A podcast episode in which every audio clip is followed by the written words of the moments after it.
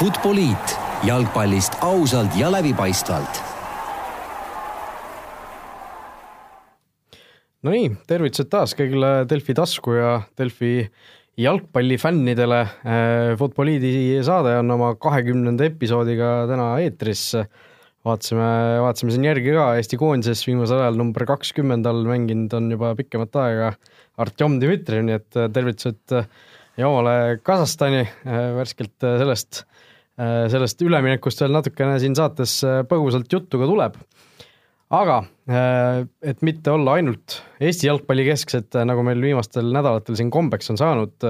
teemasid lihtsalt on, on piisavalt olnud, siis täna läheme vahelduseks ka natukene, natukene Eestist kaugemale, vaatame täpsemalt siis Inglismaa poole, Manchester Unitedi poole, kus siis Ole Gunnar Solskjaer on äh, Jose Murinolt ohjad väga edukalt üle võtnud ja, ja juhib siis Unitedit praegu väga, väga vingel võitude teel. Äh, lisaks, lisaks sellele vaatame siis äh, kiirete vaheteemadena nii Eestist kui välismaalt äh, igasuguseid asju, puudutame kindlasti ka Ragnar Klavani värsket, värskeid uudiseid siis tema kohta, nii, nii kuulsat Rooma üleminekut kui siis ka sellele järgnenud teadet operatsioonist ja, ja saate teises pooles võtame sellise noh, natukene ajatuma teema ette. eks neid selliseid nimekirju on koostatud küll siin ja seal äh, nii kodus kui välismaal, aga, aga paneme siis, äh, paneme siis kokku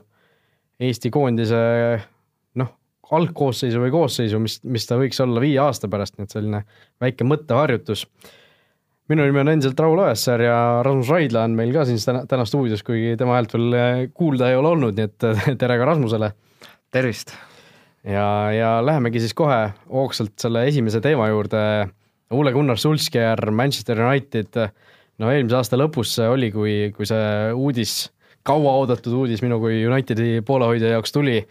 äh, et Murillo on lahti lastud, Solskjaer oli kindlasti suur üllatus, et just tema sinna asemele pandi, aga, aga noh, praeguse seisuga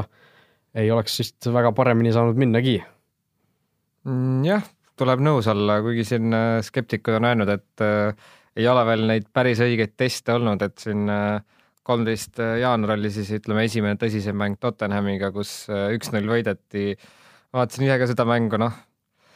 tuleb öelda, et äh, oleks võinud vabalt selle kaks-kolm-null kaotada ka, aga nagu siin vist kas Solskjaer ise öeldes või kuskil mainiti, et et äh, hea väravahi omamine ei ole nagu, ei saa nagu õnneks nimetada, vaid ta on osa tiimist ja ma ei tea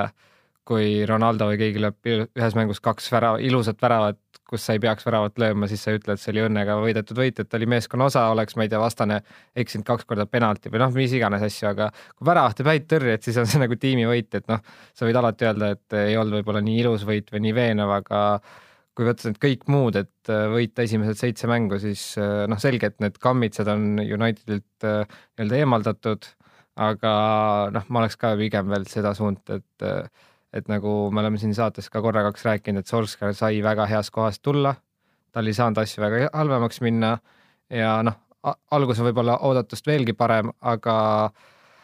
aga eks seda oligi arvata, et kui Murillo läheb, et seal on see vabanemine ja nüüd on see, et kui tulevad tõelised testid ja noh, mis siin on ka räägitud, et järgmine hooaeg, kõik siuksed asjad, kas ta siis on nagu see õige mees, et see on hoopis teistsugune jalgpall, aga noh, algus on hea ja noh, siin äh, reedel homme juba Arsenaliga FA Cup, noh, mitte et see nüüd, see karikas on alati see, et äh, kui võidad, siis on hästi, kui kaotatakse, öeldakse, et noh, et polegi nii oluline, aga noh, siin on meistrite liiga, BSG, kõik siuksed tulemused, äh, väga tugevaid järeldusi ma veel ei teeks. Nojah, et noh, on siin siin-seal nimetatud Sulskeriga selliseks tuletõrjujaks, et, et see tuli oli juba päris, päris palju, päris kaugele levinud Unitedi klubi sees äh, Murillo käe all ja, ja noh, tuletõrje või mitte, aga see seitse võitu järjest ikkagi olgugi, et seal on, seal on noh, need meeskonnad peale Tottenhami, kellega on mängitud, on ikkagi Premier League'i tagumise poole satsid ja isegi karikasarjas siin esiliigas mängivat Redingut võideti, et, et noh,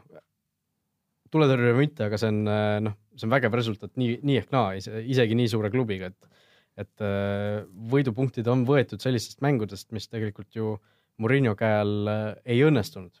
ja, ja noh, see on juba oma, omaette nagu näitaja, et, et minule nagu Unitedi fännina väga meeldib see, see käik, et äh, Solskjaer toodi toodi ajutiseks juhendajaks, seda noh, kommunikeeriti igale poole, et ta on hooaja lõpuni, vaatame, mis saab, et et ei hakatud andma siin David Moisile kuueaastast lepingut, nagu siin mõned aastad tagasi juba tehti, et, et see Moisi leping pole siiamaani veel läbi saanud, et, et tõesti see Solskjaeri tulek mõnes mõttes oli risk, mõnes mõttes ei olnud risk. et äh, nagu sa ütlesid ka, et äh, ta tuli sellises kohas, kus tal nagu halvemaks oli, oli, oli asju raske, raske teha, aga, aga tõesti see, see, et ta on ajutine juhendaja, see annab, annab sellise noh, talle endale ka ilmselt sellise mõnes mõttes pingevabaduse. et äh, isegi kui läheb, lähevad asjad nässu seal hooaja lõpus, siis, siis noh, mis seal siis ikka, ma olin pool aastat Manchester Unitedi peatreener, et, et seal väga, väga nagu tõesti halvemaks on asju raske keerata ja noh, ükskõik, kuidas siin see asi nüüd edasi läheb, siis Sulsker on oma aktsiaid äh, peatreenerina maailma jalgpallis nii ehk naa juba tõstnud, et et, et noh, nii suure klubiga ikkagi selline, selline saja kaheksakümne kraadine pööre teha, siis see on ikkagi vägev, vägev. Jah, ma arvan, et äh, kuigi tal seal Norras on vist kehtiv leping, et ma kardan ka, et et noh, kui ta manus jätkab, siis ta jätkab kuskil mujal nagu kõrgemas kohas, aga noh, see on palju räägitud, need kõik personaalsed nii-öelda küsimused, kes on siin vabanenud, Pogba ja Rashford ja kõik see, et et noh, seda naljakam on nagu näha, et kuidas nagu Murillo suutis sellest, kui öeldakse, et võttis meeskonnast maksimumi, et tema suutis nii-öelda miinimumi, et ma alati imestasin, kuidas nagu Manul niivõrd kehvasti saab minna, et noh, see alati siin Manu fännid või kes iganes ütlesid, et noh, et meie kaitseliin pole nii hea ja nii edasi, aga tegelikult sai ta ju ise mõningate eranditega seda vormida ja nagu noh, tegelikult nimed on ikkagi väga head, on ju, et noh, kui sul on Pogba, ma ei tea, Juventuses väga häid mänge teinud, okei okay,, siin on mingid Sanchez'id inimesed äh, vigastatud, aga ikkagi väga hea sats ja üks noh, et kas sa pead just tiitlile mängima, vähemalt viis-kuus head satsi on veel, aga aga sa võikski noh, nii-öelda neid väiksemaid tiime domineerida, kõik teavad, et Inglismaal ei ole lihtne neid alati võita, seda, seni on seda suudetud, aga ütleks ka, et võib-olla see selle nädalavahetuse Brightoni mäng oli võib-olla esimene ka, kus oli võib-olla see kõik kerge surve juba, et noh, võiduseeria oli piisavalt pikk ja nüüd on ju Premieris väike paus, aga teisipäeval, kakskümmend üheksa jaanuar mäng Burnley'ga kodus jälle sihuke, et oodatakse justkui võitu. et noh, huvitav näha, et mis siis juhtub, kui asjad enam võib-olla nii hästi ei õnnestu ja nagu paratamatult on, et neli kuud, et ei saa ainult võita, on ju, et kui tuleb, ma ei tea, esimesed kaks kaotust järjest, mis ma arvan, et pigem tuleb või noh, kaotus tuleb igal juhul. varem või hiljem. jah, et, et, et, et kuidas siis nagu asi läheb edasi, noh, mis ma siin ka mainisin, see kaksteist veebruar BSG-ga, et kui need nii-öelda kalendrid hakkavad ühenduma ja siis tuleb kakskümmend neli veebruar Liverpool, et noh, täpselt niisugune koht, kus võib nagu hakata asi käest ära minema, siis ma vaatan siin märtsis BSG, Arsenal City üksteise järel, et need on nagu need kohad kus, kus võib-olla otsustatakse, kas ta on suvel nagu reaalne kandidaat, kuigi siin juba natuke tahetakse talle seda ametit anda ja siin Gilfi kontorit ka vaatasin, on ta kahe koma viiese koefitsiendiga ehk siis pisut alla viiekümne protsendi või noh, tuntavalt alla viiekümne protsendi ta favoriit, siis on Pochettino kolm koma null, Zidane on kümme, äh, Marco Rose või Rose või kuidas iganes. Marko, Marko Rois ütleme Red Bull Salzburgi siis boss üheksa koefitsient ja siis on veel Allegri üksteist koefitsient, et et noh, nende järgi tundub nagu reaalselt ka siis Pochettino või Pochettino või Solskjaer on ju ja Pochettino puhul noh, kui me siin natuke võib-olla vahepeal vaatasime, et kas Spurs võib tiitlile mängida, siis tegelikult läks nii nagu karta võis, et nagu meeskond ütleme seal vigastused kõik muud, et see võib ka võib-olla Pochettinot mõjutada noh, et äh, siin see Pochettino ja Sulskeri nii-öelda äh, vastasseisu siin hirmsasti ju äh, puhuti üles ka selle Tottenhami ja Unitedi mängu eel, kus oli noh, olid seal kuskil pealkirjad, et et noh, see on selline audition siis inglise keeles, et et kes, kes saab uuel hooajal Unitedi peatreeneriks. ja noh, kuigi United selle mängu üks-null võitis, siis lõpuks, lõpuks nagu sellisele üht, ühesele järeldusele ei jõutudki meedias, et et kumb siis nii-öelda selle taktikalise poole võits, et et noh, me teame, United selle mängu võitis, aga tegelikult äh, see mängupildi põhjal Tottenham oleks vabalt võinud, äh, võinud ka ise, ise võita, et äh, nagu sa ütlesid, ütlesid ka, Unitedil oli õnne, oli, oli Davide hea. noh, ma arvan, et seal oli mõlemad sees, et seal oli nii õnne kui, kui De Gea sellist siirast kvaliteeti lihtsalt, et, et see tõesti ei näidanud nagu nii palju, aga, aga noh, kui sellest, sellest rääkida, et millal need kaotused tulema hakkavad, siis noh, mina Unitedi fännina isegi nagu tahaks, et see üks sahmakas tuleks enne seda meistrite liigat, et et kui Murillo käe all noh, seal meistrite liiga alagrupist edasi pääsemine oli juba selline paras ime, et ja siis noh, BSG vastu saad, vastu tuli sealt loosist, siis oli juba sihuke tunne, et noh, et et okei okay,, et selle, sellega on siis nagu selle meistrite liiga on siis kõik veebruarikuus, et siis, siis praegu on nagu selline uus lootus väga reaalne tekkinud. Neimar sai sen ka eile ju vigastada, ei tea, kas, kas kui, kui tõsine see on, ma pole täna, täna veel uurinud, et kas selle kohta on mingeid uudiseid, aga, aga noh, mingid jutud olid siin alguses, et võib isegi, võib isegi jääda, jääda nagu eemale sellest, sellest meistrite liiga esimesest mängust vähemalt, et, et mine tea, mis seal, mis seal saada võib, aga noh, ma tahaks, et see sammakas tuleks nagu enne seda kätte, et noh, kasvõi seesama karikamäng Arsenaliga, et noh, see FA karikas ja need noh, need üldse need Inglismaa karikad, et meil siin Eestis äh, on nagu raske hoomata, et kui, kuivõrd tähtsad need ikkagi siis nagu lõppude lõpuks on, et Inglismaa meedias on ka noh, liiga karikas minu jaoks täiesti, täiesti suvavõistlus, noh, täiesti suva, ausalt. et äh, eriti noh, mingisugused tobedad kahe, kahemängulised poolfinaalid ja ja, ja muud play-off'id, mis seal on, et noh, kui Manchester City võidab esimese mängu üheksa-null ja siis peab veel teist mängu ka mängima, et et noh, sellised asjad äh, noh, tänapäeva sellises jalgpallis äh, tippjalgpallis ma ei näe, et sellel oleks erilist pointi, et, et pigem, pigem just keskendudagi, keskendudagi liigale, meistrite liigale, et, et äh, karika, karika võitmine on alati muidugi tore, eriti kui sul on muud moodi selline kehv hooaeg, aga, aga tippklubide mõistes ikkagi mäletatakse ainult neid liigatiitleid ja, ja meistrite liiga saavutusi, edu, nii et äh, mul selles suhtes ei oleks nagu isegi midagi väga selle vastu, kui see sammakas tuleks äh, homme selle Arsenali vastu ära saab, saab nagu selle, sellega ühele poole, et et, et ei ole, ei ole selline pikk võiduseeria, mis omakorda siin veel mingeid lisapingeid lisaks, et et ma arvan, et see oleks, oleks nagu täiesti okei okay,, kui, kui Arsenal ütleme noh, ma ei tea, võtab siukse üks-null või kaks-üks võidu, et mis seal siis ikka, läheme eluga edasi ja, ja liigas uuesti, et et kui vaadata, et järgmised liigamängud Burnley kodus, Leicester võõrsil, Fulham võõrsil siis noh, seal selle Solskjaeri senise mineku juures ei pruugigi sealt äh, ühtegi kaotust tulla, et siis tulebki juba see BSG vastu. sina kui Unitedi fänn, äh, on siin nagu Inglismaa meedias räägitud nii sellest, et Solskjaer noh, ei ole keegi nii-öelda lõplikku seisukohta kujundanud, aga öeldakse, et noh, kas jätkata või mitte, et siin on nagu poolt ja vastuargumente. mis su enda nagu arvamus on, et noh, ma enne üks nimi, mis jäi mainimata, on veel Gareth Southgate, kuigi ta vist ise on öelnud, et pigem ta ei, ei võta seda positsiooni, et et äh, noh, et Pochettino, Zidane on võib-olla kõige tõsisemad võetavamad variandid väljast või siis Solskjaer, et siin on öeldud, et noh, Solskjaer tuli heas kohas, nagu ma ise ka ütlesin, et need nii-öelda noh, rakmed maha ja good old days, et praegu ta on ideaalne mees seal, aga noh, ütleme, ongi see järgmine hooaeg, et kas ta on see mees, kellega võita, ma ei tea, Premier League ja meistrite liiga, kas siis samal hooajal või ma ei tea, ühel hooajal meistrite liiga, teisel hooajal äh, Premier League, et äh, ma ise vähemalt hetkel veel arvan, et äh, võib-olla oleks antud juhul, kui sul on eesmärk ikkagi noh, mitte ainult mängida kogu aeg top nelja peale, vaid nagu reaalseid tiitleid võita, et seal võib-olla jääb veel Solskjaeril nii-öelda kogemust vähe, väheks, kuigi teisest küljest noh, tippjalgpallis on see, et väga palju need taustajõud ju teevad ära, et see, et pigem see peatreener on see, kes peab seda riietusruumi lihtsalt koos hoidma. Noh, et noh, praeguse seisuga muidugi oleks ju rumal nagu mitte jätta Solskjaeri ametisse, et äh, kui need võidud äh, niimoodi ka edasi tulevad, aga noh, eks see, eks see kevad äh, lõppude lõpuks ära näitab, et okei okay,, Tottenhami võideti, aga noh, neid teisi tippe, teiste tippudega tuleks ka ikkagi hästi mängida ja noh, ka mänguliselt mingi, mingil hetkel need, need mängud nagu enda kasuks kallutada, et noh, päris palju punkte saab muidugi ka nii, kui kõikide alumiste vastu võidud ära võtta, aga aga ikkagi Unitedi sugusele suurklubile või noh, sellele staatusele kohaselt peaks ikkagi ka, ka igas, igas sellises suures vastasseisus noh, kas just soosik, kindel võidusoosik olema, aga noh, selline mänguliselt ka ikkagi noh, seda asja domineerida, et et ma, ma loodan, et mingi hetk see juhtub Solskjaeri käe all, et äh, noh, väga äge oleks ju, kui ta, kui ta jääkski, jääkski ametisse, et aga, aga noh, nagu sa ütlesid ka, et mingi hetk nagu peab see asi nagu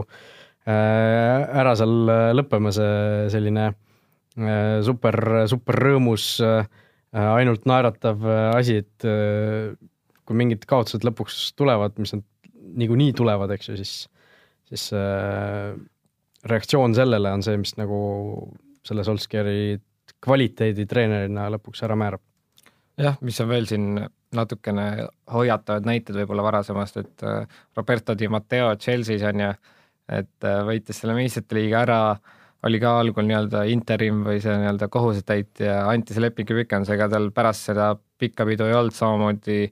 Lesteris see Greg Shakespeare vist võideti ka, ma ei tea, viis-kuus mängu, et et neid näiteid on varem ka olnud, et noh, et vist siin on mingeid ametlikke nii-öelda uuringuid tehtud, et see peatreeneri vahetus nagu paar mängu vähemalt nagu lihtsalt mõjub hästi lihtsalt vabastavalt, aga aga jah, Solskjaeril, et see Moldest tulla, et see on nagu hoopis teine taust, aga noh, ma ütlen ka, et esimesed ilmingud on väga hea ja eks ma arvan, noh, nagu ma ütlesin siin, et see meistrite liiga ja võib-olla siis noh, märtsi keskpaigaks on nagu asi selgem, et siis on nagu lihtsam neid järeldusi teha, et uh, usud sa ise, et näiteks uh, noh see vahe, mis vahepeal tundus nagu püüdmatu Chelsea'ga või no ütleme, top neljaga on ainult kolm punkti, et siin koefitsiendid ütlevad kaks koma kolmkümmend kaheksa, et jõuavad sinna, et niisugune noh, kuuskümmend, nelikümmend, seitsekümmend, kolmkümmend, ma ise arvaks, et pigem, pigem ei, et äh, Chelsea sai siin äh, suurepärase täienduse Higuaini näol ja noh, nagu me ütleme jälle mitu korda, et Unitedil peab ka neid nagu äh, lipsamisi asju sisse tulema, kuigi noh, tagant on neil väga turvaline juba, et Watford seitsmendal on üheteist punkti kaugusel, et top six on nagu no esikuuik on juba noh, suhteliselt kindel, et seal enam midagi ei juhtu, et äh, võib-olla noh, Chelsea, Chelsea'ks äh, huvitav on näha, mis saab nüüd Tottenhamiga, et kui siin Harry Kane on tükiks ajaks väljas äh,, siin on Son äh, seal äh, mitte kaitseväes, aga, aga koondise juures Aasia karikavõistlustel, et neid äh, mehi nagu äh, erinevatel põhjustel on Tottenhamis äh, hakanud väheks jääma ja, ja selline äh, noh, nende jaoks saab kindlasti väga oluline olema nüüd see, mis siin järgmistel nädalatel juhtuma hakkab, et et ma võib-olla esimese hooga isegi vaataks pigem Tottenhami poole, kuigi see vahe on seitse punkti Unitediga, et et Arsenal, Arsenalist ma usun, et United äh, isegi lõpetab eespool, aga just noh, M-kumb, kas Tottenham või Chelsea peab siis ka selge ees vastu tulema, et Chelsea'ga on küll vahe praegu kolm punkti, aga noh, Chelsea see selline stabiilsus on olnud nagu natukene parem sel hooajal, kuigi see on ka viimasel ajal hakanud nagu kaduma, aga just eks olegi näha, mis siin see Higuaini täiendus äh, sellele meeskonnale tähendab, et Sarri käe all ta ju Napolis seal paar aega tagasi lõi kolmekümne viie Serie A mängu kolmkümmend kuus väravat, et et äh, justkui, justkui nagu mingisugune side nende, nende kahe vahel oleks olemas. Mis ma veel sult äh, Unitedi fännina küsiks, et äh, noh, siin nagu Murillo ise väga kritiseeris oma meeskonda, et üks asi on nagu peatreener, on ju, aga suvel noh, et ütleme, see hooaeg on nagu ta on, on ju, et ma arvan, keegi ei pahanda Solskjaeriga, kui sa langed seal kaheksandikfinaalis välja ja top nelja ei jõua, on ju. aga see, et nagu United reaalselt kinnistaks end niisugusel positsioonil nagu noh, fännid on harjunud, et nad on, et äh, kuhu ja kas ja keda oleks vaja nii-öelda mängijatest juurde, on see see nagu sama see kaitseliin ja millest nagu räägitud on ja noh, teiseks on küsimus, et kas De Gea ja noh, mõned mehed üldse jäävad, on ju. no viimased kuuldused vist on sellised, et Gea ikkagi jääb, et tehakse mingi uus leping, et noh, kas see tähendab, et ta jääb või või, või mitte, aga noh, mingisugune uue lepingu äh, kõlakas siin käib. Noh, kaitseliin äh, noh, üks asi, mida ka, millega ka Muriniot kritiseerida, et noh, Murinio ju hädaldas siin pidevalt, et et tal ei tuu-, tal ei tooda neid kaitsjaid, keda ta tahab ja ja, ja, ja mida kõike veel, aga noh, kui sa oled ise toonud Victor Lindelöfi, Erik Pai, keda sa ei suuda nagu mängima panna, siis miks, miks peaks klubi sulle nagu veel, veel mingisuguseid äh, kaitsjaid tooma, kes suure raha eest, kes võib-olla ei, ei saagi mängida lõpuks, et et noh, mingid Fredid, kes siin suvel toodi ka suurte lootustega äh, lõpuks lihtsalt Morino käe all pingile jäi, et et noh, ma võib-olla jään sinna Morinosse liiga kinni, aga nagu siin hiljuti ütles ka igasuguseid asju välja, et kuidas ikka, ikka kõik teised on süüdi, et kui tema ajus leiduks nagu mingisugune väheke, väikegi nurk nagu enesekriitikat, siis, siis ta vaataks nagu seda, kuidas mängib praegu Markus Rashford, kuidas mängib praegu noh, millise tahtmisega nagu tormab platsil pool Pogba ringi ja ja nagu saaks aru, et, et võib-olla oli ikkagi midagi muud seal valesti, et äkki oli mingisugune viga nagu temas endas, et et tõesti noh, kaitseliinis kindlasti noh, sellist noh, Van Dyke'i moodi täiendust oleks, oleks, oleks nagu tore, kui saaks, eks ju, et et need keskkaitsjad on seal olnud sellised suhteliselt ebastabiilsed, et et neid on küll seal igavene hunnik, aga aga pooled on pidevalt vigastatud või siis teevad lihtsalt kehvasid mänge, et et midagi äkki sinna võtaks küll vastu ja, kas ja noh, see Ajaxi noor talent? ma just mõtlesin jah, Matisse Delict, et äh,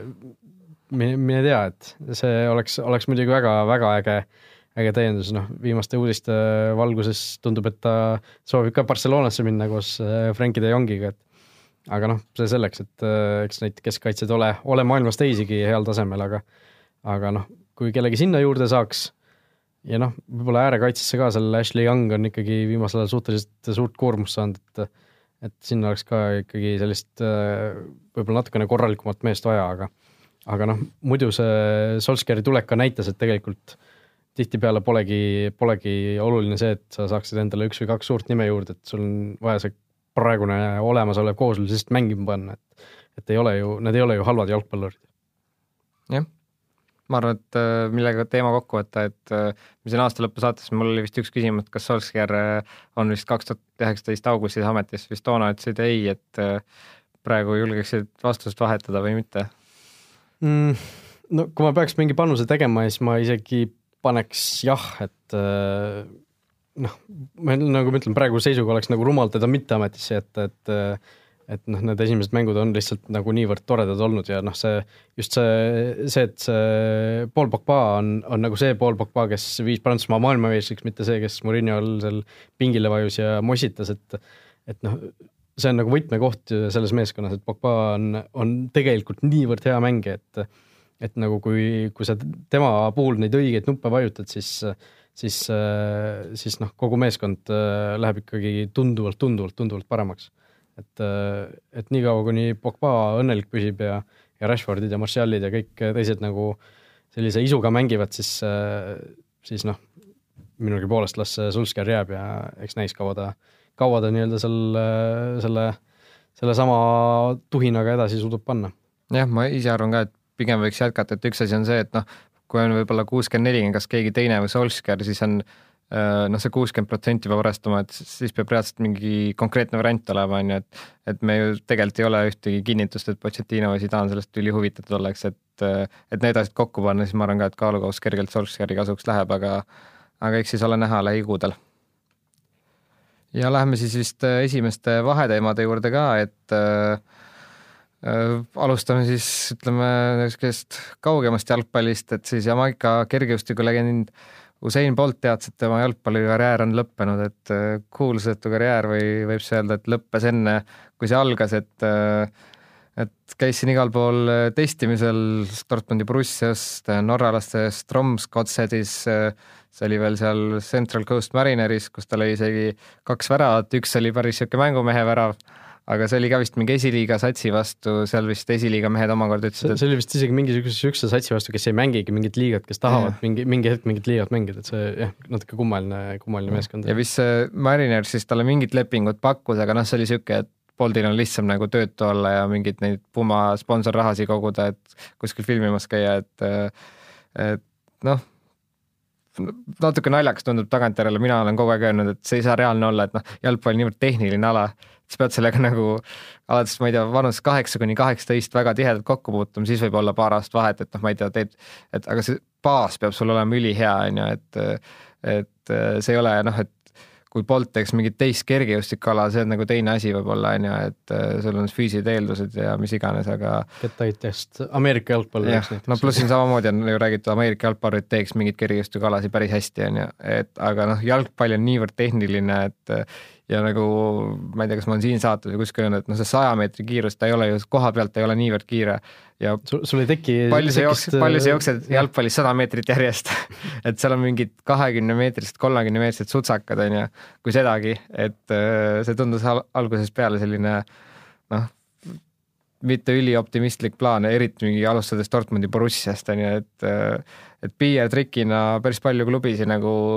panid talle lepinguid lauale, siis vist oli mõned madalamad klubid, kes noh, reaalselt olidki valmis kohe lepingut pakkuma. mingi Malta klubi oli ka, eks ju, et ja noh, ma ise siin toona mõtlesin ka, et mõni Eesti klubi oleks võinud ka PR-trikki teha, kuigi noh, selge, et noh, ma arvan, kui nad oleks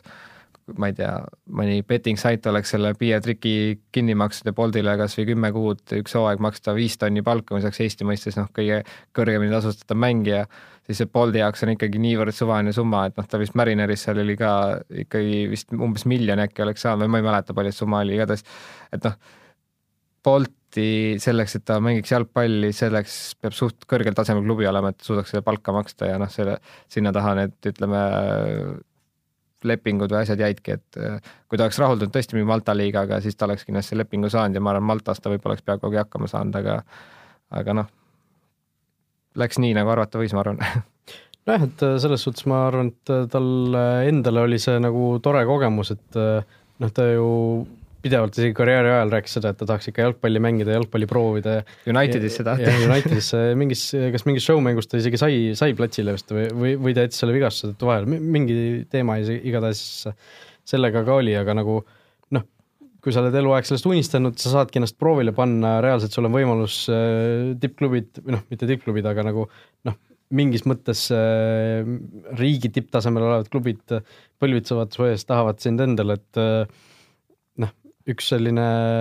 väga tore, ma arvan, peatükk tema, tema elus ilmselt, noh, karjääris on võib-olla raske öelda, aga aga elus kindlasti, et sai, sai proovida, sai reaalselt öö, omale võimalusi, noh, läks nii, nagu arvata oli, eks ju, aga aga,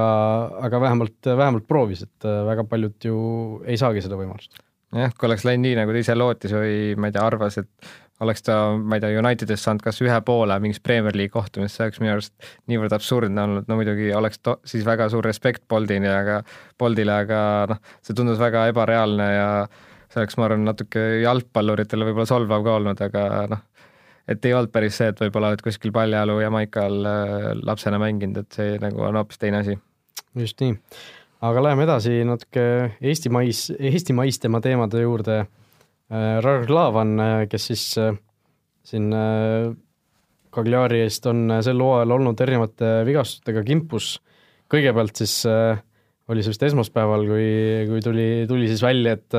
et Itaalia mingisugused meediaportaalid seostavad teda üleminekuga AS Roomasse. aga eile siis kolmapäeval selgus, et et mees käis hoopis siis oma selle suhteliselt pikka aega teda juba kiusanud selle Achilleuse äh, kõõluse probleemiga üldse operatsioonil. et oli see, vigastus oli teda juba Liverpooli aegades tegelikult ju kimbutanud ja, ja noh, aeg-ajalt nagu tagasi tulnud, et et ja viimased, viimased kuud olid ju täiesti, täiesti, täiesti äh, sellised äh, paar mängu tegi, siis oli jälle väljas ja, ja aina pikemat aega väljas, et äh, koondist ta ka ju esindada sisuliselt ei saanudki, ühes mängus seal võõrsil Soome vastu sai, aga aga oli siis ka ikkagi pärast mängu väga hapu näoga selle, selle vigastuse osas, et et äh, halb uudis muidugi see, et see häda üldse nii tõsine on, et opile pidi minema, aga noh, minu jaoks isegi võib-olla kui asja nagu positiivsemas võtmes vaadata, siis hea uudis see, et loodetavasti saab selle asjaga nüüd siis korda. jah äh,, nagu siin eeldatakse või pakutakse, ilmselt need märtsimängud on ohus koondise mängud? no need on ikka päris tõsiselt ohus, ma et... eile Kaspar Rõivassepaga rääkisin, Kaspar Rõivassepp, äh, Eesti koondise arst siis, äh, kui ma helistasin talle, siis ta tegelikult isegi alguses ei teadnud, et Klaavan äh, operatsioonil käis, et et noh, see, seda asja nagu otsustasid need Kaljari arstid, aga aga, aga noh, ta ütles, et tema nagu viimane selline viimane soovitus, kui ta Klaavaniga rääkis siin mõned päevad tagasi, siis oli ka, et ikkagi see operatsioon ära teha, et et see noh, paranemisaeg, mis peaks olema noh, kahest kuust halvemal juhul siin kolme-nelja kuuni, et ei ole nüüd äh, ka midagi nii pikka, et see, seda peaks, peaks nagu tingimata, tingimata vältima, et äh, loodetavasti asi, asjad lähevad hästi, Põhja-Iirimaal ta noh, väga-väga suure tõenäosusega ei mängi märtsi lõpus ja, ja loodetavasti on äh, hooaja lõpuks tagasi ja noh, suvised koondise mängud noh, kui meie siin enda meta otsast nii-öelda vaatame, siis suvised koondise mängud võiksid äh, vägagi reaalsed olla, et et loodame, et ta saab, saab asjad korda, saab tervise korda ja siis mine tea, äkki hakkab Rooma ka uuesti huvi tundma.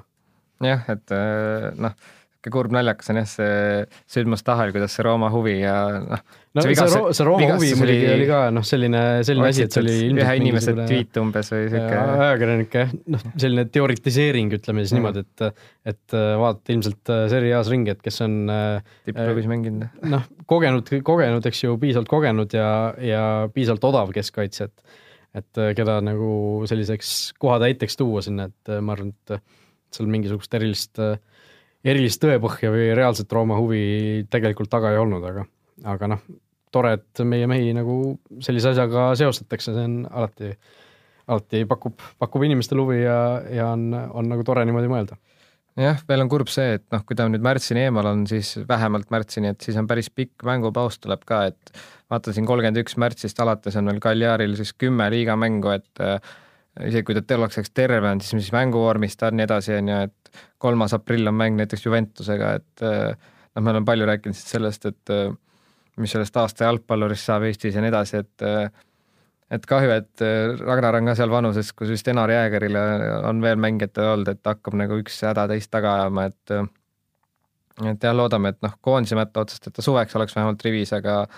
aga ka sellest klubi karjäärist natuke, natuke kahju, et mis sellest saab, et no õnneks tal lepingut peaks olema ka Kaljariga, et see ei olnud ju üheaastane leping, mis ta sõlmis, et et nagu selline päris tööta jäämine ei ohusta praegu. et siis oleks olukord veel keerulisem, ütleme, kui ta oleks noh, saaks veel paar mängu võib-olla see aasta ja siis peaks suvel otsima uut klubi, aga vähemalt see on nagu päästetud, aga eks siis ole näha, palju eestlase no, see Kaljari tegevus kõnetab ilma klavanita. jah, aga noh, see samas äh, isegi kui tal ei oleks lepingut uueks hooajaks, siis ma arvan, et tema kogemustega mees, äh, noh, ilmselt peaks natukene väiksema summaga leppima võib-olla palga, palga mõttes, aga aga ma arvan, et neid äh, kosilasi oleks küll, et noh, kui leping on läbi, siis sa ei pea ju mingit üleminekutasu ka maksma, et et ma arvan, et selles suhtes mingit töökoha leidmisega sellise klassiga mängijal nagu probleemi ei tekiks, et lihtsalt peaasi, et saab tervise korda ja, ja, ja tuleb, tuleb tagasi. nii on, terviseid äh, Ragnarile ka meie poolt. kolmas ja viimane vaheteema siis üleminekutest kergelt siin rääkisime eestlastest, et äh, üks jalgpallikoondise Artjom Dmitrijev siis äh, jätkab karjääri Kasahstani meistriliiga klubis FC Okshetves. jah, ja mängis eelmine hooaeg see tiim Kasahstani esimeses liigas, kindlustas sellega koha meistriliigasse ja ennem Dmitrijevit on samas klubis mänginud ka Jevgeni Novikov, kes ilmselt on siis peasüüdlane, miks ta sinna, miks ta sinna mängima läks, et tundub, see Kasahstan on on nagu Eesti koondislastele päris niisugune tihe sihtkoht, eriti võib-olla nendele ka, kellel on kerge vene taust, et, et noh, Novikov siin välja toodud, et teatavasti agendina töötab ja seal suunal nagu hinnatakse selgelt seda, kui sa oled Euroopa koondise eest mänginud noh, nagu valikmänge, et see näitab, see on nagu tundub, et see on nagu kvaliteedimärk ja need mängijad tihti lähevad sinna testimiseta ja üldiselt enamused on vist öelnud, et kliima ja asjad nagu sobivad, et ja tase on ka selline, et äh, päris nagu üle, üle selle ei, ei, nii-öelda taseme ei küündi, et ma arvan, täitsa sümpaatne koht, kus karjääri jätkata. ja teine mängija, kes on siis äh, otsimas uut koduklubi, on siis FC Flora mängija Madis Vihman, kes siis äh, äh läks siis Sarpsborgi Joonas Tamme endise koduklubi juurde testimisele, Joonas Tamm teatavasti otsib uut, uut koduklubi ja Vihman siis noh, sarnase taustaga jällegi juba ka valikmängudes Eestit esindanud, on just noh, ka Floras teinud selge sammu nii-öelda edasi, kindel põhitegi euromängudes end tõestanud, et et kui siin oli vist, kas oli Norrköping või mingi klubi oli, kus eestlasi oli seal vist paar halba kogemust, oligi vist Joonas Tamme ja vist Siim Lutsuga ja see oli vist juttu, et ega seal väga eestlasi ei usaldatud enam, aga selgelt on näha, Sarpsborg, kui nad said ühe Joonas Tamme näol noh, ütleme niisuguse bargain'i võib öelda, et väga odavalt ja väga kindla mehe, siis see kindlasti aitab nagu Madis Vihmanile kaasa ka, et nüüd lihtsalt kontrollitakse üle, kas mees nagu on umbes samal tasemel kui Joonas Tamm. jah, ma arvan, et Madis Vihmani jaoks samm välismaale oleks, äh, oleks teretulnud praeguses seisus, et äh, Sarpsborg muidugi noh, Euroopa liigas mänginud satsina oleks suhteliselt selline suur amps, aga, aga noh, kui Tamm kannatas selle ära, siis siis Vihman, äh, miks mitte, noh, tuleb lihtsalt oma sisu näidata ja ja ise mees olla, noh, selle Kasahstani juurde veel korraks tagasi tulles, et ma olen siin Sergei Mošnikoviga tegelikult mitu korda rääkinud sellest Kasahstani elust ja Kasahstanis elamisest ja ja noh, tema on, on küll üha rohkem läinud nagu seda usku, et et noh, kui Kasahstanis talle mingisugune pakkumine tehakse, et noh, ta on seal kas kahes või isegi kolmes klubis mänginud, et et kui talle mingisugune pakkumine tehakse, ta võtaks kindlasti selle vastu, et et noh, klubid on seal muidugi äh, natukene erinevad, aga aga see elu, eluolu on seal äh, selline, et alguses on võib-olla natukene keeruline harjuda, aga kui sa harjud, siis siis, siis on see väga okei okay,, et, et raha makstakse ikkagi väga korralikult ja, ja, ja noh, see selline mängutase on ka tegelikult üsna okei okay,, et me oleme siin näinud ju isegi Euroopa liigas siin Kasahstani klubisid ja kas isegi meistrite liigas siin Astana mingi hetk ei mänginud, et et see noh, Dmitrijevi jaoks ma arvan, see on igati, igati okei okay üleminek, et et noh, Soome liigast sinna Kasahstani minna täiesti, täiesti, täiesti okei. okay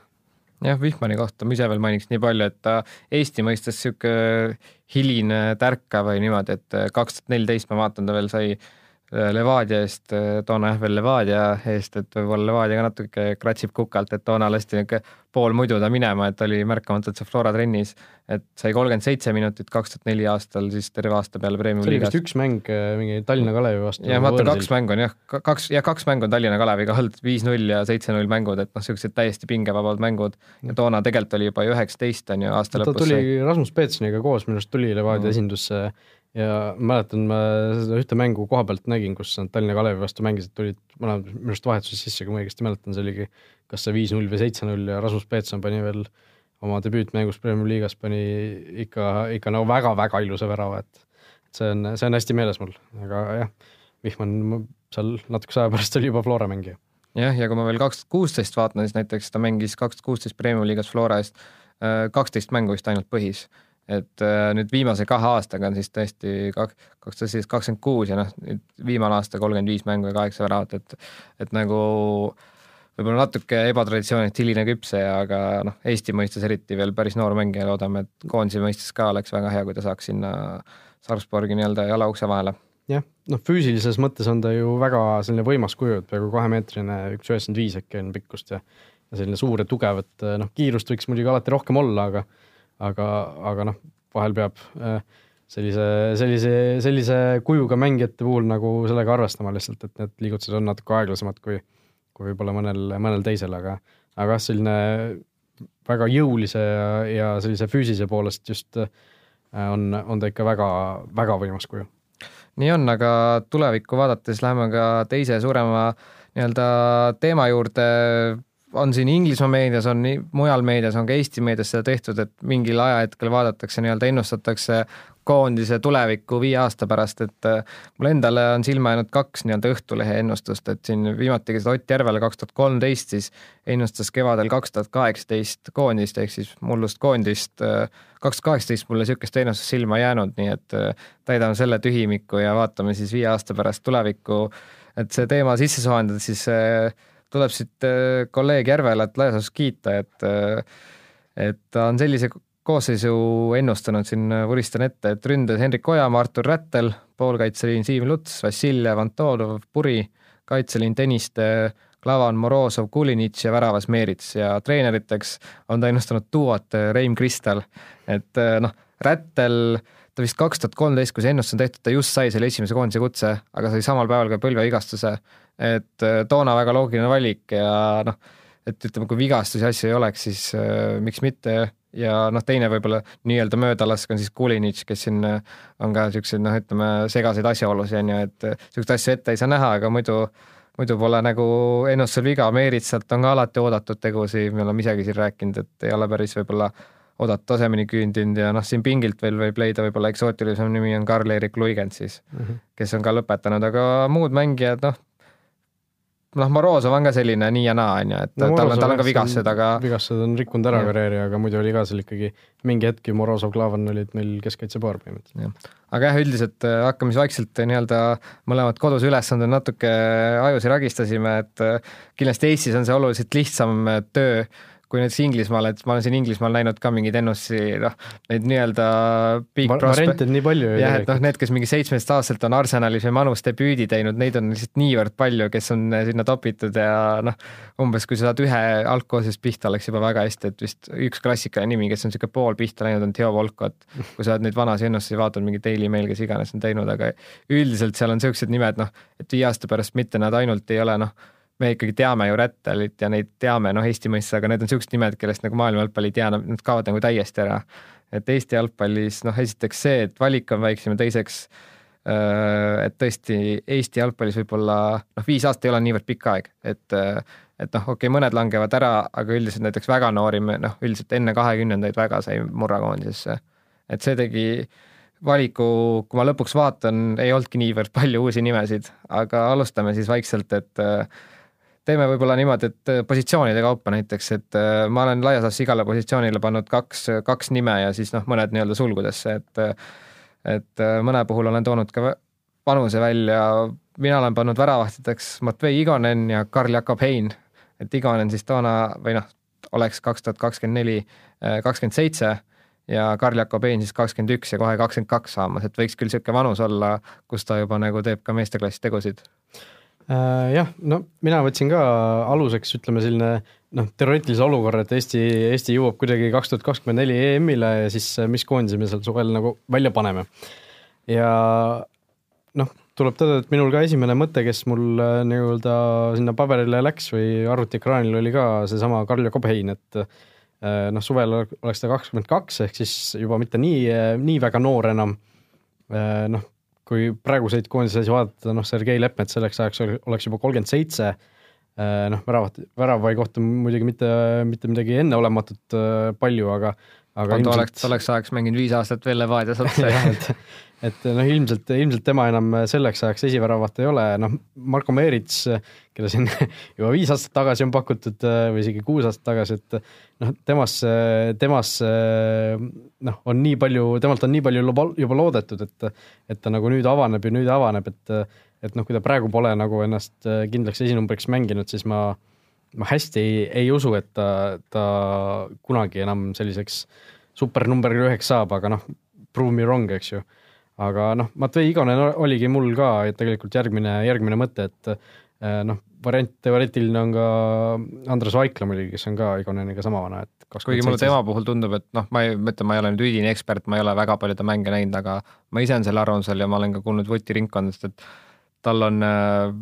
väga head agenditööd tehakse või et tal on see väga õige taust, et tegelikult on ju Kanadas sündinud, seal West Bromis noortes mänginud, et võib-olla see sisu niivõrd palju pole, aga jällegi, et prove me wrong, et ega ta noh, kindlasti normaalne väravaht, aga nii palju, kui mul neid tipphetki silme on jäänud, ta on ikka päris palju seal minule ka iga kord, kui ma olen pudistanud. mängimas näinud teda, ei ole nagu, ei ole nagu arvamust väga palju tõusnud, et et aga noh, noor mees veel ja saab nüüd kogemusi tulla. et noh, vanuse poolest nagu idee poolest klapiks, et et äh, eks näis, võib-olla mõni, mõni veel noorem väravaht siin äh, tõuseb selle ajaga esile, aga, aga noh, Karl-Jakob Ein on siis tundub meil valik number üks mõlemal mina isegi panin, mul on siin algkoosseis ka, ma võin pärast selle, no ütleme, kui ma positsioonid läbi käin, võin sellega, mul isegi panin Igoneni isegi hetkel ette, et Eesti mees kakskümmend seitse. kogemuse pealt. kogemuse pealt jah, et noh, ta jõuab praegu ju teeb seal vaikselt nii-öelda Skandinaavias, noh, ta ei ole veel põhimees, aga seal jalg on ukse vahel, et isegi kui ta mängib viis aastat Skandinaavias, see on nagu okei okay, valuuta noh, näeme siin samamoodi käidi pealt, et äh, mängijana väga hea, aga seal Inglismaa süsteemist on ju mingi alates, noh, oledki kakskümmend, et siis äh, on see nagu suur küsimärk, et ta, et ma olen aru saanud nii Poomi juttudest kui ma ei tea, kellelt veel, et äh, tegelikult on väga hea tööeetikaga, noh, liiga palju asju saab juhtuda, et võib vabalt, et ta jääb kuhugi noh, mingi League One'i või äh, Šotimaa liigade vahel pendeldama, et noh, et, et noh, ma arvan, niisugune paari aasta pärast on need võtmehetk, et kui ta nagu võiks esimesi mänge meesteklassis teha, et kus ta neid teeb, on ju, et Arsenalis noh, nii optimistlikud, kui me ei taha ka olla, et ilmselt ta ei tee neid esimesi samme, et reaalne on see, et võib-olla õigused jäävad Arsenalile, on ju, et siis on nagu küsimus, et kas ja kuhu ta pääseb. aga jah, ütleme, ma arvan, et Igonen, Hein, mis iganes järjekorras ja sulgudes siis Vaikla, et valikmängudesse saab kolm kutsuda, et see tundub nagu loogiline valik ja Meeritsasse mulle tundub, et mõlemad ka arvavad, et see purakas nagu ei tule enam. no Meerits oleks vist kolmkümmend kaks selleks ajaks või, või äh, jah, et äh, variante kindlasti on, et äh, ma arvan, et ega ta mängimist ilmselt lähiajal ära ei lõpeta, et kui ta seal Soome, Soomes ja igal pool mujal edasi mängib, et, äh, et noh, kindlasti koondise valikus ta või noh, sellise variandina ta on, ta on ka selli-, selleks ajaks endiselt olemas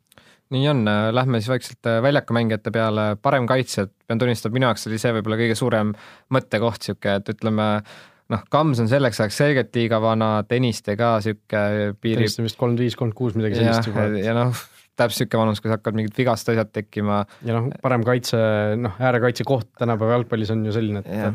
et, et sinna, sinna võib vabalt mängida mõni mängija, kes hetkel ei ole üldse parem kaitsja või näiteks noh, et, et tuuakse nagu mingi parem poolkaitse sinna nagu õpetatakse nii-öelda ümber. aga noh, mina hetkel valisin äh, mehed, kes hetkel mängivad seda positsiooni, et Hindrek Ojamaa ja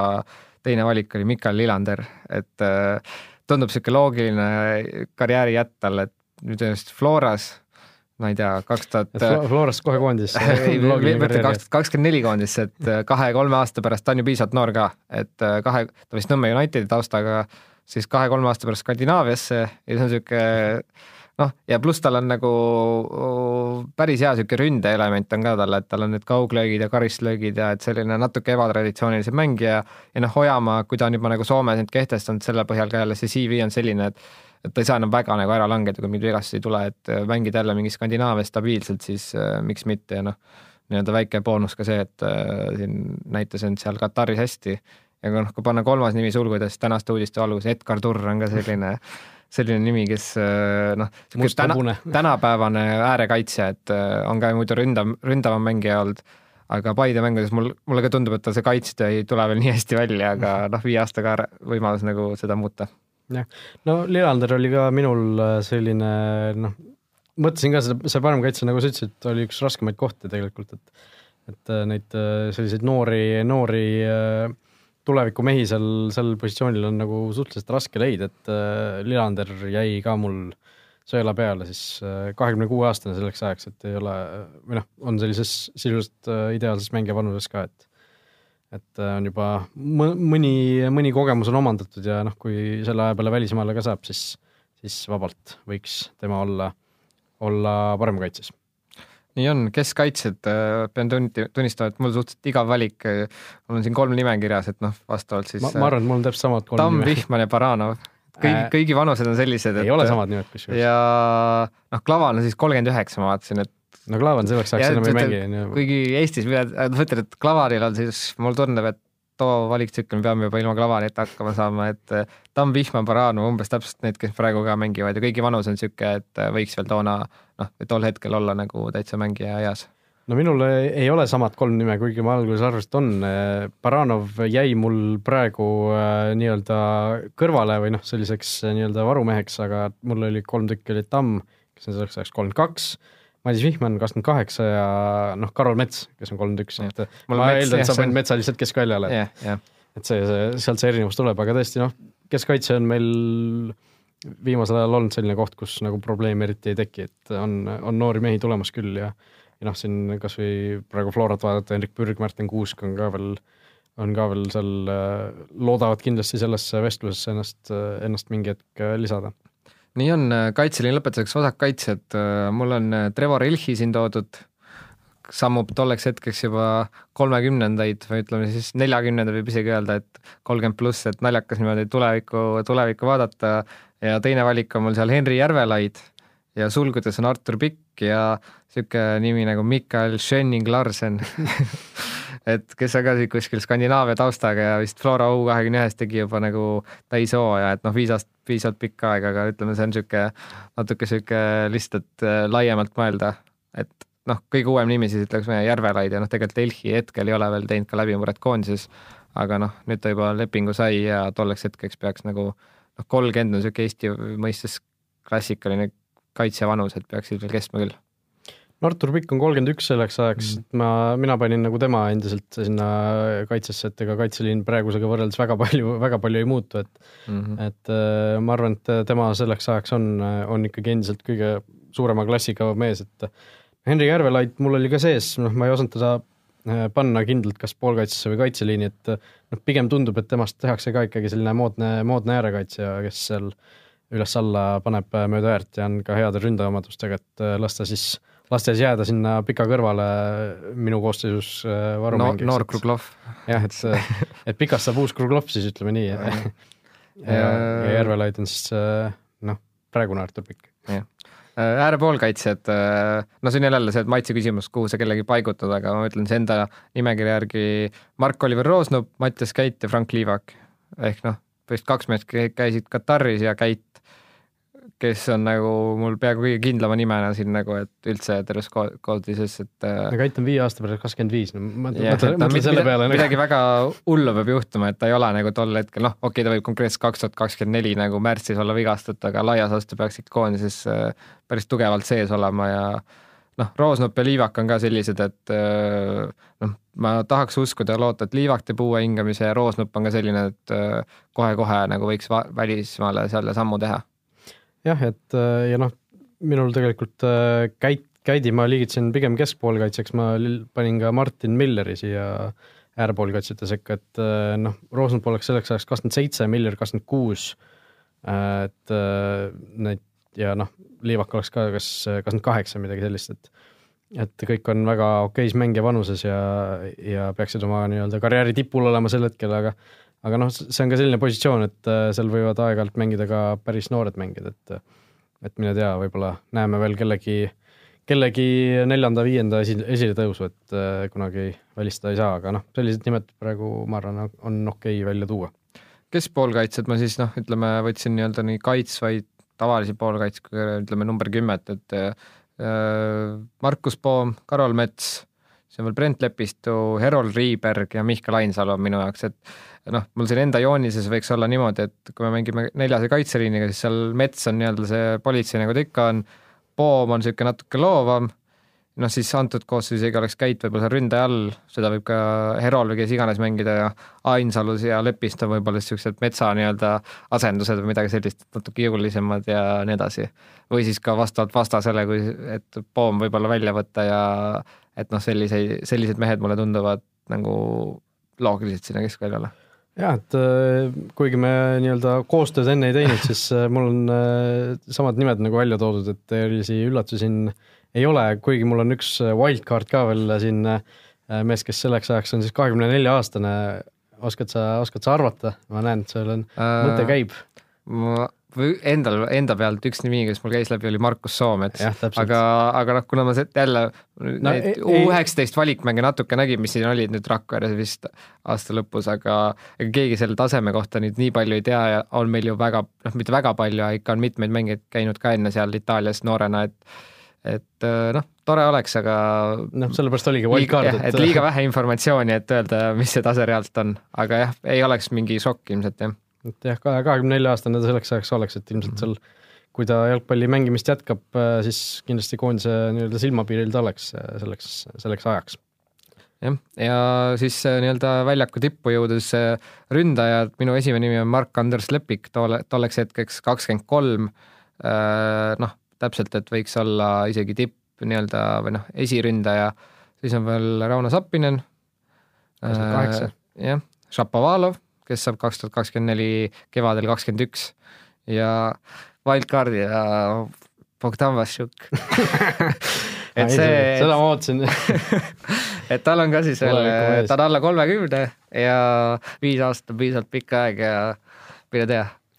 no kaks nime, kes ma arvan, ei ole veel selleks ajaks äh, nii-öelda täiesti väljas sellest äh, valikust, on Henri Anier ja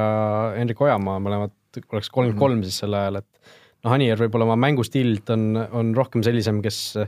kes võib-olla peab nat-, natukene pikema eani vastu lihtsalt sel, sellel praegusel tasemel kui, kui Henrik Ojamaa, kes nagu noh, väga sellise tehnilisuse ja kiiruse peale rõhub, aga, aga noh, ma arvan, et sellise klassiga mehed äh,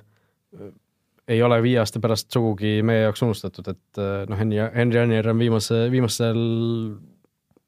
viimastes mängudes tõestanud, et, et vähemalt praegusel hetkel tema, tema sarnast meest meil võtta ei ole. ja, ja noh, Mark-Andres Lepik, kui ta oma arengut selliselt jätkab, siis ma arvan, et tema on järgmine selline reaalne oht Anieri kohale, noh, Rauno Sappinen muidugi ka, tema puhul lihtsalt on, on ka vaja natukene aega ja vaadata, mis, mis, mis nagu temast saab, et ja noh, Šapovalov äh, muidugi kakskümmend üks oleks selleks ajaks, äh, oli ka minul siin sees, noh, Oliver Jürgens, tema koondise või noh, noortekoondise kaaslane, siis on ka ju selline nimi, mida siin võib-olla sosistades võib välja, välja öelda, et et noh, mine tea, viie aasta pärast muidugi võivad siin mingisugused positsioonid natukene erineda praegusest ja ja nii edasi, aga, aga noh, kuivõrd need kaks meest oleks kakskümmend üks selleks ajaks, siis koondise silmapiiril nad oleks vähemalt kindlasti, et aga jah, ma, ma arvan ka, et noh, Anier või Lepik, üks kahest on siis sel hetkel esiründaja, et Zappinen on ka variant, aga ma millegipärast arvan, et arvan, et äh, Lepik või Anier sobib nagu sinna paremini, et noh, Lepiku puhul see selline keha ja, ja noh, on selline väga selline moodne tipuründaja, et jah, et äh, vaatasin siin äh, aastanumbrid, võrdlesin ka näiteks Sapinile ja Lepikut, mulle tundub, Lepik on ütleme aastaga natuke ees Sapinist, ta nagu aasta varem hakkas seal premium-liigas, noh, see hooaeg oli nagu läbimurre ja lõi nagu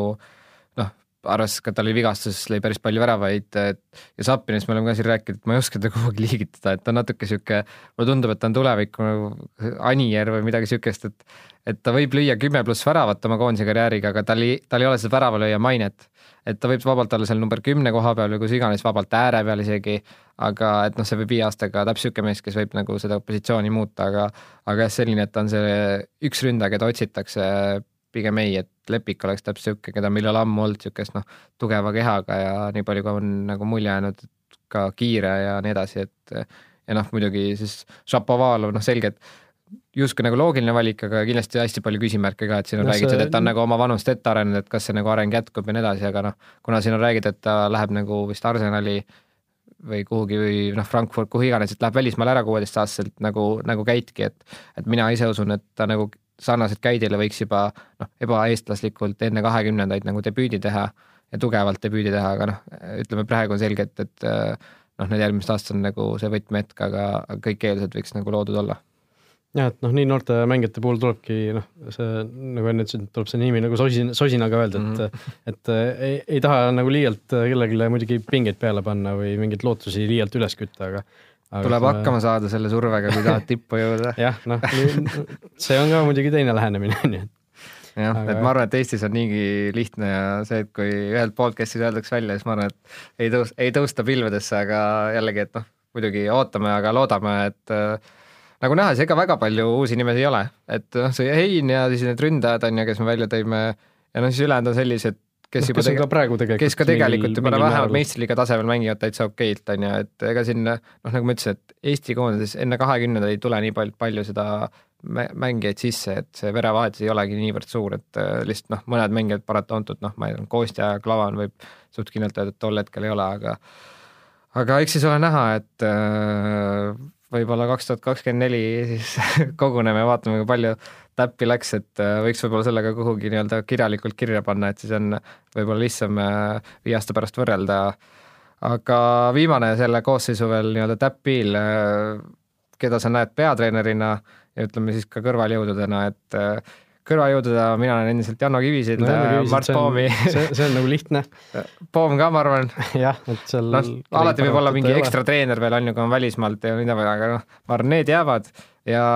noh, kuna nagu välismaa nime on niivõrd raske välja tuua, vabalt võib olla välismaa treener, on ju, aga noh, võid teha mingi Allsvenskani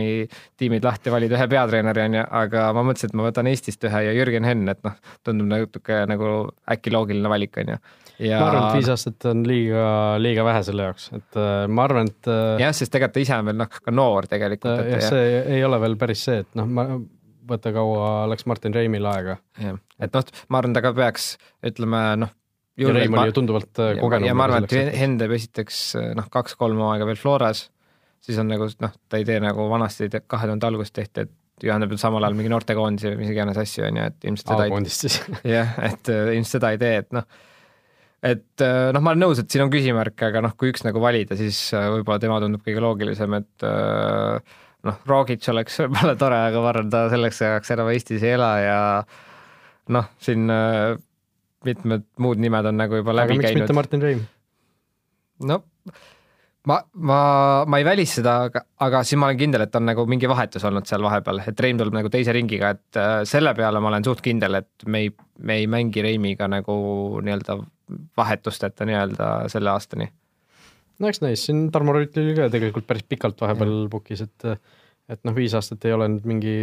mingi nii, nii pikk aeg, et, et kindlasti ei võiks, noh, ma arvan, et vahetusega tagasijõudmist viie aasta jooksul ei, ei, ei teki, et praegu ei tundu ka, et Reimi töökoht nüüd äh, ka kuidagi ohus oleks, et et ma noh, kui ma peaksin mingisuguse panuse panema, siis noh, kõige loogilisem oleks, et et Reim nagu veel, veel on, on toona või noh, mitte toona, vaid viie aasta pärast siis äh, ametis. jah, eks see peatreeneri ennustamine kõige rohkem niisugune unte pealt on, et et eks ole näha, et noh, ma paneks siis Jürgen Henn kaldkriips, et mõni Skandinaavia treener mm. -hmm. aga sellega siis vaikselt sellele teemale ka